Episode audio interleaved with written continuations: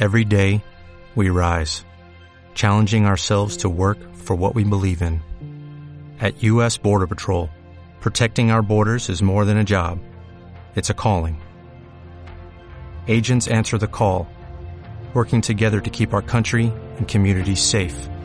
If you are ready for a new mission, join U.S. Border Patrol and go beyond. Learn more at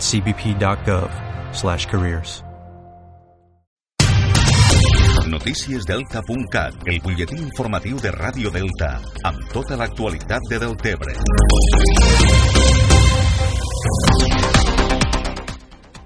L'Ajuntament de Deltebre ha iniciat esta setmana les obres de construcció de l'embarcador que s'ubicarà sota el pont Lo Passador i que permetrà impulsar el turisme nàutic a la població.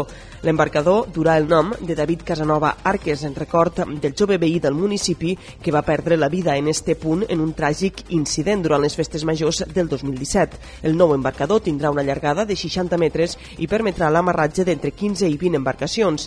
L'alcalde de Deltebre, Lluís Soler, ha destacat que el nou embarcador permetrà a les barques que naveguen pel riu poder atracar en este punt un embarcador que podrà eh, permetre, que permetrà eh, que embarcacions pues, que pugen de riu mar o que pugen riu amunt o riu avall eh, puguen atracar aquí a lo que és la vora del riu, a la zona fluvial. Eh, és evident que no tenim cap zona no, adaptada més enllà de l'embarcador del Chino Chano per amarrar el que són les barques esportives. I això també ens dona aquest punt d'enfocament turístic, aquest punt de dinamització econòmica del propi municipi. La construcció d'aquest embarcador és una peça més del projecte de l'eix central del Delta de l'Ebre que inclou el pont Lo Passador, el centre fluvial del Delta i el proper parc fluvial que s'adequarà en esta zona. Les obres de l'embarcador finalitzaran al llarg del tercer trimestre i el cost de les obres és de 151.163 euros, dels quals 126.000 provenen d'una subvenció del grup d'acció local de la pesca Mar de l'Ebre. Continuem parlant d'obres i projectes i és que la Junta de Govern local ha adjudicat les obres de construcció i adequació de la nova sala d'exposicions municipal que s'ubicarà a l'edifici de la Biblioteca Delta de l'Ebre, concretament a l'espai que ocupava antigament l'escenari del centre cívic. La sala comptarà amb dos plantes i uns 800 metres quadrats d'exposició i les obres començaran després de les festes majors. Així ho ha explicat l'alcalde Lluís Soler en una entrevista a Canal Terres de l'Ebre. Exposicions en dos, eh, en dos plantes, una planta planta baixa i una primera planta, podrem construir fins a uns 800 metres quadrats i que ara, eh, pues, quan acabe les festes majors, ja procedirem a treure tota la part de tot el que tenim aquí dintre per a començar les obres i poder eh, tindre i complementar este centre cultural. Les obres de l'espai d'exposicions de la Biblioteca Delta de l'Ebre compten amb un pressupost d'execució de 156.896 euros, un projecte que estarà subvencionat al 100% pel Departament de Cultura de la Generalitat. Més qüestions un operatiu de la Guàrdia Civil ha intervingut a diversos pescadors furtius més de 60 quilos de marisc i peix al Delta de l'Ebre.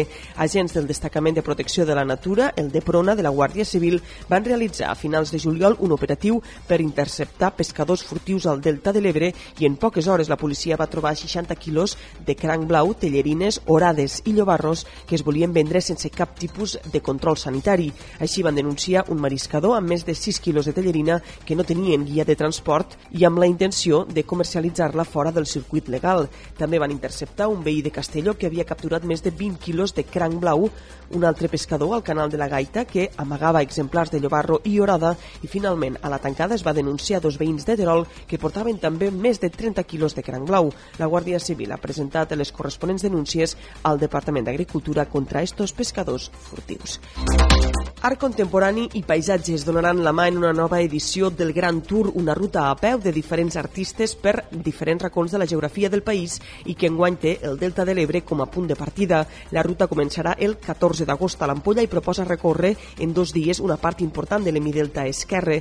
Primer, la línia costanera que ressegueix la badia del Fangar i l'endemà es posarà el focus a la xarxa de canals i sèquies que reguen el delta. Concretament, es reflexionarà al voltant del fet que hagi estat la tradició oral dels pagesos la que hagi mantingut el nom i el coneixement de tots els canalets del Delta, ja que no hi ha senyals que ho indiquen. En este context, l'artista i músic de Deltebre, Miquel Àngel Marín, explicarà als participants del Gran Tour el projecte El nom escrit no és el Mondit, un taller impartit a alumnes de quart d'ESO de l'Institut de Deltebre el curs passat i en el que els alumnes van crear 10 rètols per senyalitzar algun d'estos canals i sèquies. El Gran Tour toparà amb estes senyals a peu de canalet i s'hi farà música i poesia al seu voltant, així com accions artístiques i musicals locals amb instal·lació de senyals nous en canals i desaigües.